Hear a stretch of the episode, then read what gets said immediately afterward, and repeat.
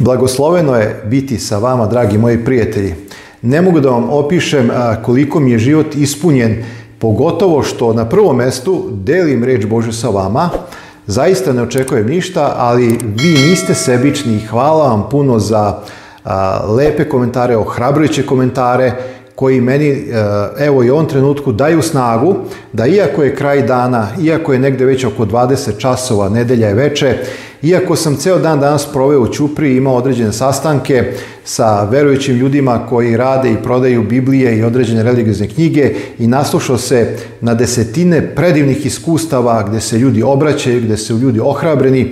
Evo, dragi moji, ja sam ohrabren da podelim reč Božju sa vama. Naime, Bože reč kaže, neće se dovijeka moj duh prepirati sa vama jer ste telo. Bog eh, je strpljiv, Bog je milostiv, ali Bog ima vrijeme svog pohođenja, kada će pohoditi ovaj svet. I kada čitate reč Božju, u više slučajeva je zapisano da je Bog morao reagovati kada su ljudi prevršili ili prepunili čašu bezakonja, kada su gresi, koristi se taj izraz, doprli do neba. Drugim rečima, kada, kada je došlo do punine, do prelivanje greha koji se činio u narodu, Bog je intervenisao. I setite se i Sodoma i Gomore i mnogih drugih a, momenata. Ja sam izabrao večeras da podelim sa vama jedan tekst koji se nalazi u knjizi proroka Danila, u pitanju je peto poglavlje i da napravim neke paralele sa našim vremenom i sa onim što će se desiti u skoroj budućnosti. Znači, sve ima svoj početak i sve ima svoj kraj. Ovaj svet, prvi svet kako ga naziva apostol Jovan, ima svoj kraj. Jer apostol Jovan kaže i prvo nebo i prva zemlja prođoše i mora više neće biti, šta god to značilo. I onda Jovan opisuje novo nebo i novu zemlju. Pošto greh vlada na ovome svetu, greh je pobeđen u Hristu, ali on i dalje rovari i uništava ljudske živote, a, a pošto ovaj svet nije onakav kakav, kakvim ga je Bog zamislio, ovaj svet mora izgoreti.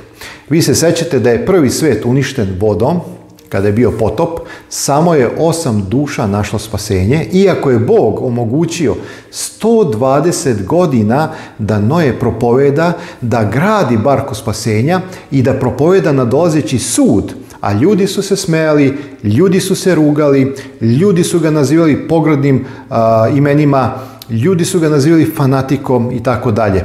A onda kada je došao potop, kada je voda počela da pada sa neba, tad je bio vodeni omotač, to je sada naučena tema koju sad ne želim da ulazim u to, ali jednostavno ljudi su živjeli dugo, nije bilo uh, ultra zraka, sunče koji su delovali na našu genetiku koja se kasnije, tako se skraćivao uh, ljudski vek, ali ljudi su tada živjeli po 800-900 godina, sećate se jadam uh, preko 900 godina, ali uh, ljudi su jednostavno prevršili meru Prepunila se čaša bezakonja i Bog je morao reagovati da bi spasao što se spasiti može. Znači, Bog nije pustio potop zato što je željen da uništava, nego da spasi ono što se može spasiti. Ali, uvek Bog, pre nego što izvršava svoj sud, kroz određeno uništenje, Bog šalje opomenu milosti. I u ovom slučaju, pre nego što je prvi svet, tadašnji svet, bio uništen vodom, Bog je poslao opomenu preko usta Noja i ta opomena je trajala 120 godina. A onda kada su se otvorili usta nebeske, kad je voda šiknula iz zemljine kore i kada je dolazio potop, svi ljudi koji su se rugali su se uplašili i počeli su da grebu po Nojoj barci kao mačke i da kukaju za pomažu, ali više ništa nije bilo gotovo. Kada anđeo gospodnji zatvori vrata, to je ovaj, tada je označeno da je kraj vremena milosti završen. Samo jedan mali uvod. Idemo sada u knjigu proroka Danila. Ista situacija se desila sa drugim Vavilonom. Izraelski narod je odveden u ropstvo i nekoliko puta Bog je ili više puta Bog je opominjao i na uhodonosora i određene vladare koji su bili deo Vavilona da se pokaju, da uzveruju pravog Boga.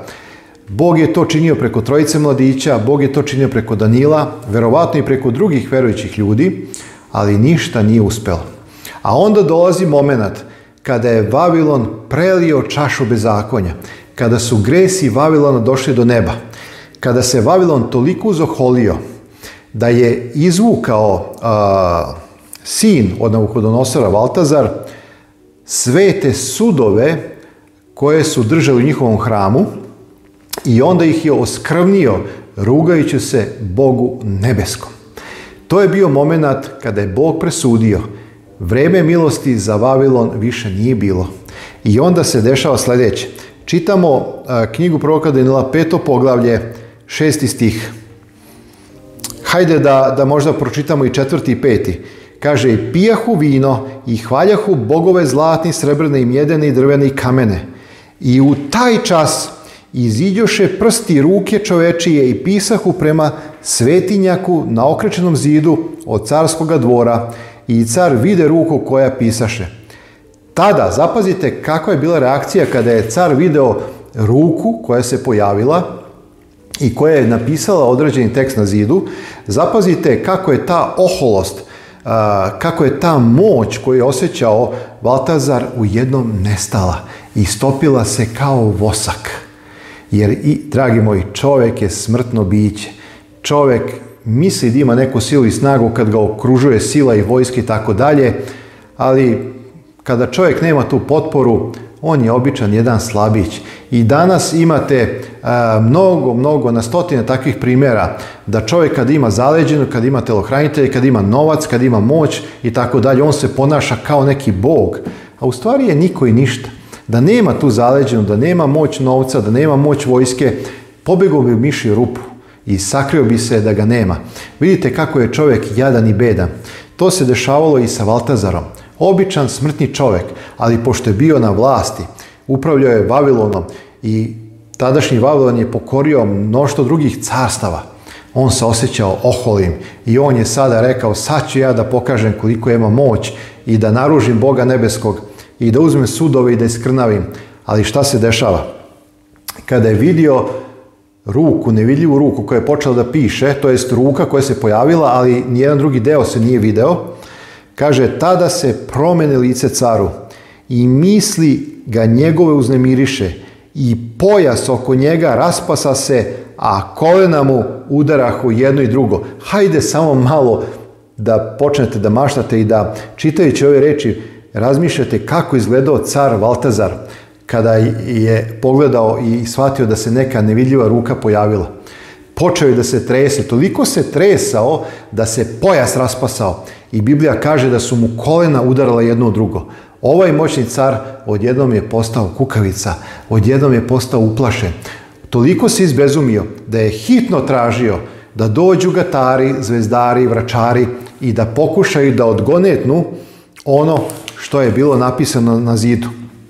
I sada ja prepričavam, svakako da oni to nisu mogli uraditi, jer Bog nebeski to nije dozvolio da se desi, i onda Bog nebeski duhom svetim otkriva Danilu značenje reči i otkriva poruku, drugim rečima, Bog otkriva ono što će se desiti sa Vavilonom, a to je uništenje još te noći. I kaže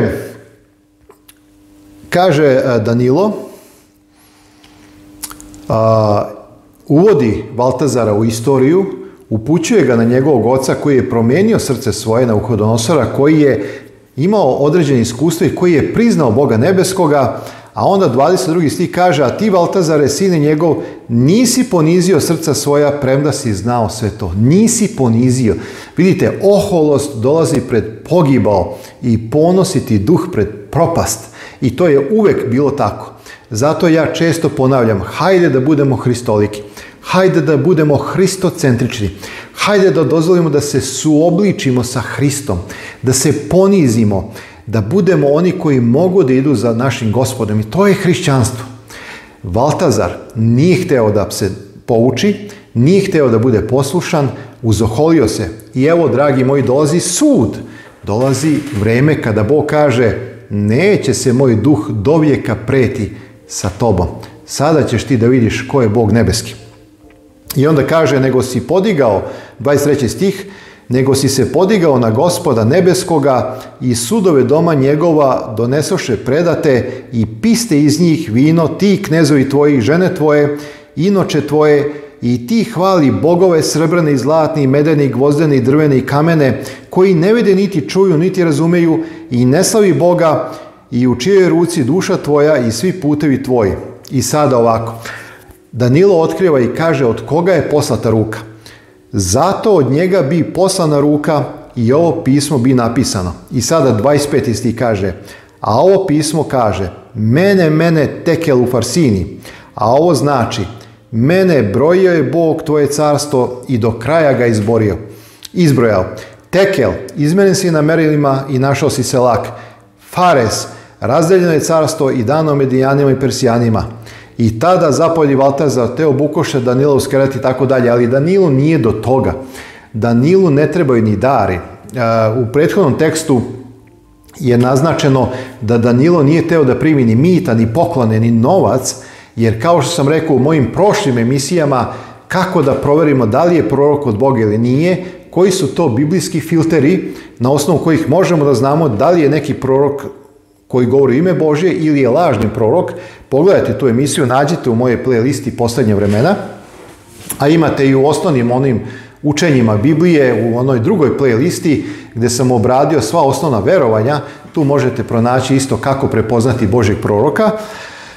A, kaže ovdje tekst, istu noć bi ubijen Valtazar, car Haldeski i Miđani preuzeše carstvo i tako dalje i tako dalje. Evo, dragi moji, sudbina Vavilona. Ovo što se desilo će se identično ponoviti u naše vrijeme. Kada današnji Vavilon i gresi u njemu dopru do neba, tada će se u nebeskim dvorovima izreći presuda i tada će pad Vavilona biti konačan. Isto će se desiti kao što se desilo u vreme doslovnog stvarnog Vavilona koji je bio u to vrijeme kada je pisan ovaj tekst. Vi znate kako su se ređala carstva. Ja sam u mojoj emisiji obradio na osnovu Danila drugog poglavlja kakva će biti sudbina Europe imate pod tim naslovom u mojoj emisiji pod serijom Posljednje vremena možete pronaći. Obradio sam san koji je sanjao Crnohodonosor i pokazao koliko je Biblija precizna. Sva četiri carstva su se desila. Četvrto carstvo se raspalo na deset e, careva, a onda iz jednog izlazi mali rog i tako dalje. Znači, mi živimo u vrijeme na samom kraju istorije naše planete. Boži sudovi vise nad zemljom kao kap kiše, samo što nisu pali. U mojoj prvoj emisiji posljednje vremena objasnio sam da živimo na kraju šestog pečata. Otvorio se šesti pečat odavno, dao sam određene smjernice da pokažem da se zaista to desilo i ono što još se nije desilo, to je da se nebo savije nad zemljom kao knjiga i da ugledamo lice naše gospode Isusa Hrista koji dolazi u slavi sa hiljadama i hiljadama anđela dolazi po svoj narod jer je pad Vavilona pred nama i on će biti konačan. Evo ono što možemo pročitati u otkrivenju 18. poglavlju imamo ponovo pojavljivanje moćnog anđela od čije se slave cela zemlja zasijala. Ovaj moćni anđeo je posljednja poruka koji objavljuje sud da je pad Vavilona nešto što se dešava i da je Vavilon pao. U otkrivenju 14. poglavlju obradio sam poruku tri anđela i zaista ova emisija je blagoslovena jer skoro će imati 30.000 pregleda. Znači, to je posljednja opomena koju Bog šalje da se ljudi pokaju pre nego što se desi pad Vavilona i da narod Boži izađe. A ovaj moćni anđeo dolazi i kaže sad je Vavilon pao i dolazi kraj. U 19. poglavlju nebeski stanovnici slave i hvale Boga što je pravedan i što je uništio zlo na zemlji. Ali zapazite otkrivenje 18, drugi stih koji kaže i povika jakim glasom goreći pade, pade Vavilon veliki i posta stan đavolima i tamnica svakome duhu nečistom, i tamnica svim pticama nečistim i mrskim, jer otrovnim vinom kurvasa svojega napoji sve narode, i carevi zemaljski s njom kurvaš i tako dalje. Vidite, razlog zašto je pad Babilona konačan i zašto se to dešava, Biblija jasno kaže jer je otrovnim vinom kurvarstva svojega napoje sve narode. Znači, otpala hrišćanska crkva u sprezi sa svetovnim vlastima Lažnom naukom otrovno vino je simbol lažne nauke, je zavelo i, i učinilo da se greh širi nevjerojatno brzo. I svi gresi ovoga sveta doprli su do neba i zato dolazi presuda koju nebo šalje preko moćnog anđela koji govori da je pad Vavilona trenutni. I sada zapazite ovo, i ču glas drugi s neba koji govori, izađite iz, iz nje narode moj, da se ne pomešate u grehe njezine i da vam ne naude zla njezina. Jer gresi njezini dopreše do neba i Bog se opomenu nepravde njezine. Dragi moji, još jednom, neće se Boži duh dovijeka preti s ljudima. Bog će učiniti kraj Možda ljudi misle pa neće biti ništa i tako dalje, ali kad bi imali razuma, kad bi malo izučavali istoriju i kada bi vidjeli šta se desilo u istoriji i kada bi pročitali biblijske tekstove koji jasno govore unaprijed šta će se izdešavati i objašnjaju onome što se desilo, shvatili bi da je Bog istina, a da je svaki čovjek laža i da treba da se okrenu od svojih zlih puteva i da predaju svoje živote Bogu. Dragi moji, bojim se bojim se da će za mnoge ljude u jednom trenutku biti kasno, da će zakasniti, da će možda vidjeti šta se dešava, da će nešto da klikne, ali će biti kasno jer će se u to vrijeme duh Boži već povući sa zemlje. A kad se duh Boži povuče, nema više ko da obrati srce ljudsko.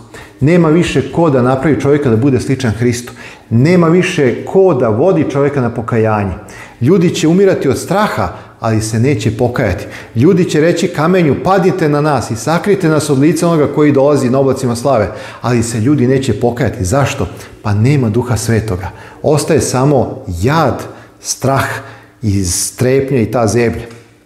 I kaže osmi stih, zato će u jedan dan doći zla njezina, smrti, plaći i glad i sažeši će ognjem, jer je ja, gospod Bog, koji joj sudi. Dragi moj u jedan dan kao što se desilo, vraćam vas ponovo u knjigu proroka Danila, peto poglavlje. Te iste noći, nam kaže biblijski tekst, te iste noći Miđani su osvojili Vavilon. Da ne idem sad u detalje kako se to desilo, oni su bili pijeni, oni su, ovi Miđani su skrenuli tok reke Eufrat i jednostavno ušli su ispod zidina i pošto su ovi bili pijani, vojska nije bila na straži i tako dalje, mnogo su se opustili, oni su došli i osvojili, bukvalno te noći je pao Vavilon.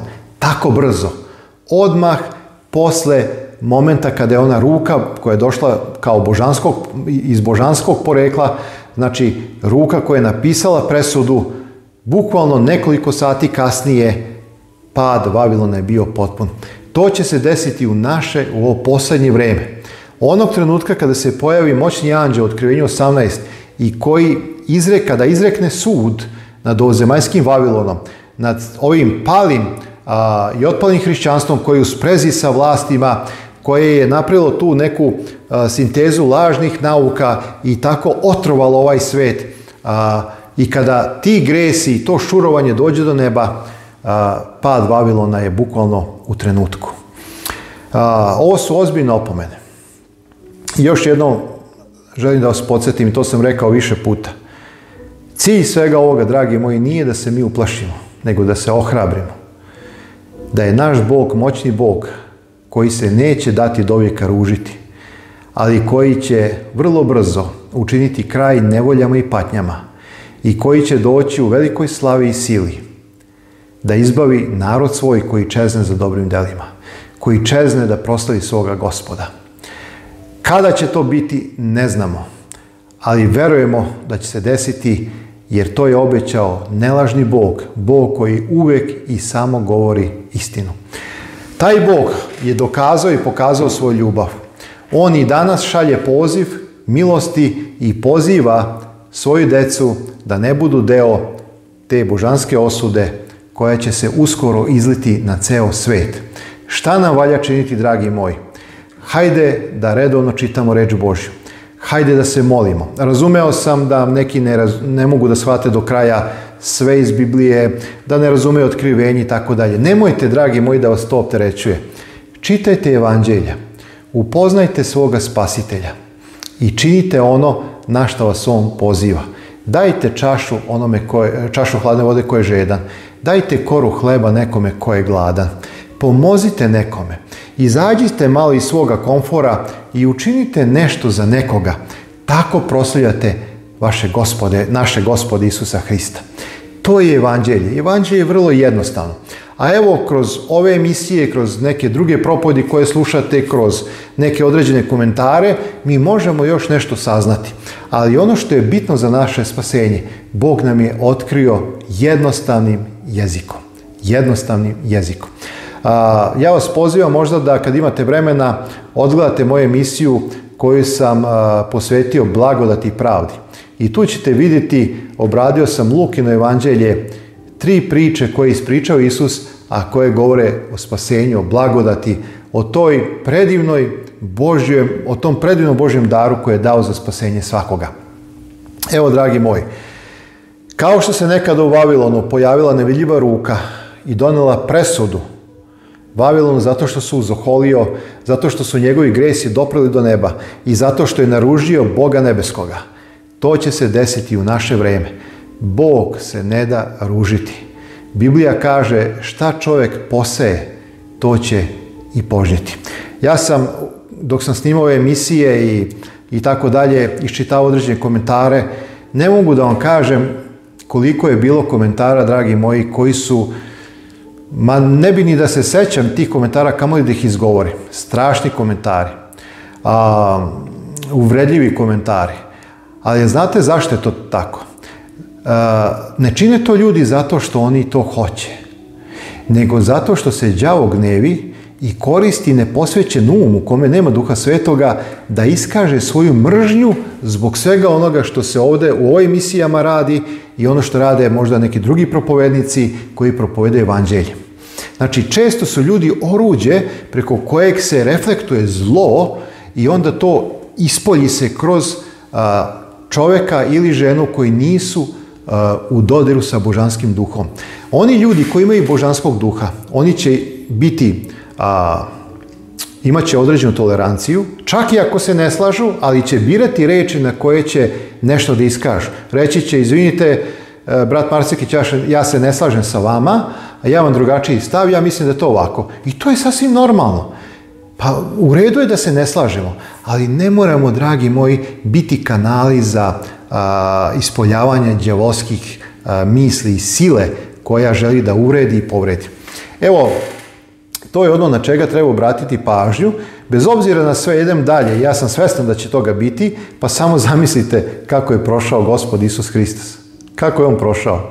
A bio je apsolutno dobro, apsolutna istina, apsolutna ljubav. I činio je samo dobro, pa kako je prošao?